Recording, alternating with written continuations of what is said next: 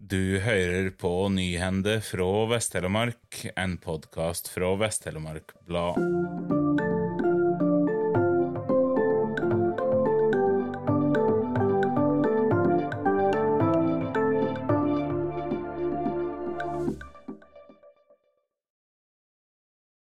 Den nye barnevernsreforma har gitt fem av seks kommuner i Vest-Telemark økte utgifter.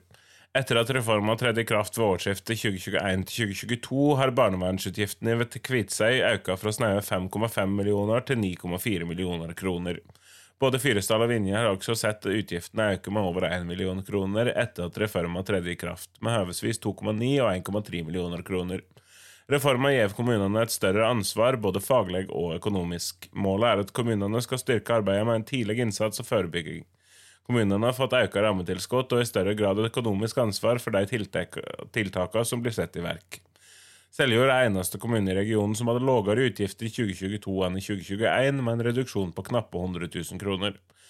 Et møte med barne- og familieminister Kjersti Toppe fra Senterpartiet sa leder for det interkommunale barnevernssamarbeidet i Vest-Telemark, Gunn-Anni Hellestad, at hun ikke er imot reforma, men at den fører med seg store utfordringer for kommuneøkonomien til de ulike kommunene.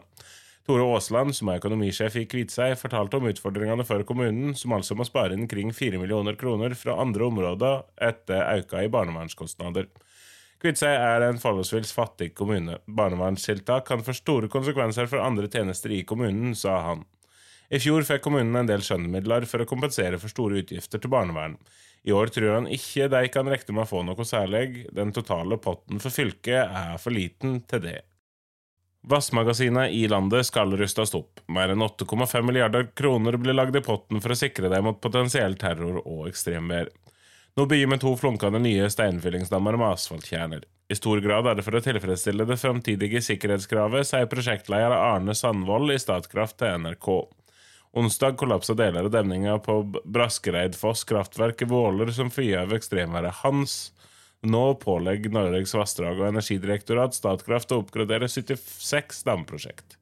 Prosjektet koster mer enn 8,5 milliarder kroner, ifølge kanalen.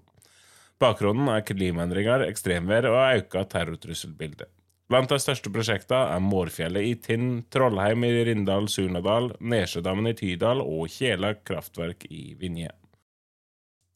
Seljord kommune har løyvd 8,1 millioner kroner til å ruste opp Heivegen på Seljordseiet.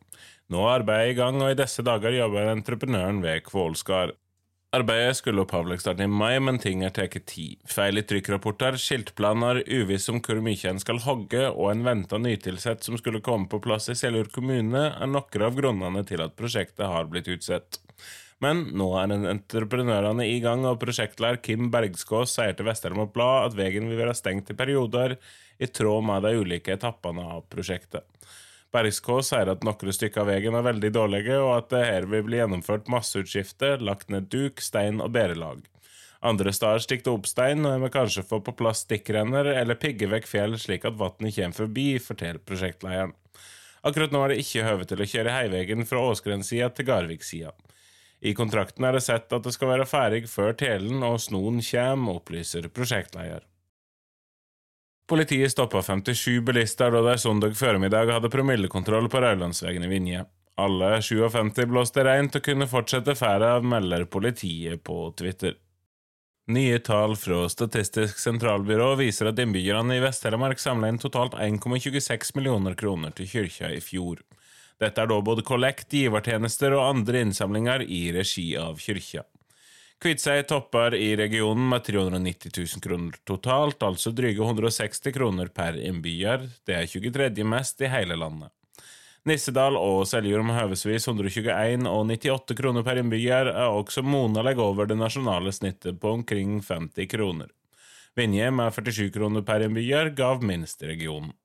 Mest gavmilde av alle i hele landet var Leka kommune, der de snaue innbyggerne gav hele 522 kroner i snitt hver, skriver Vest-Telemark Blad. Tusen takk for at du hørte på.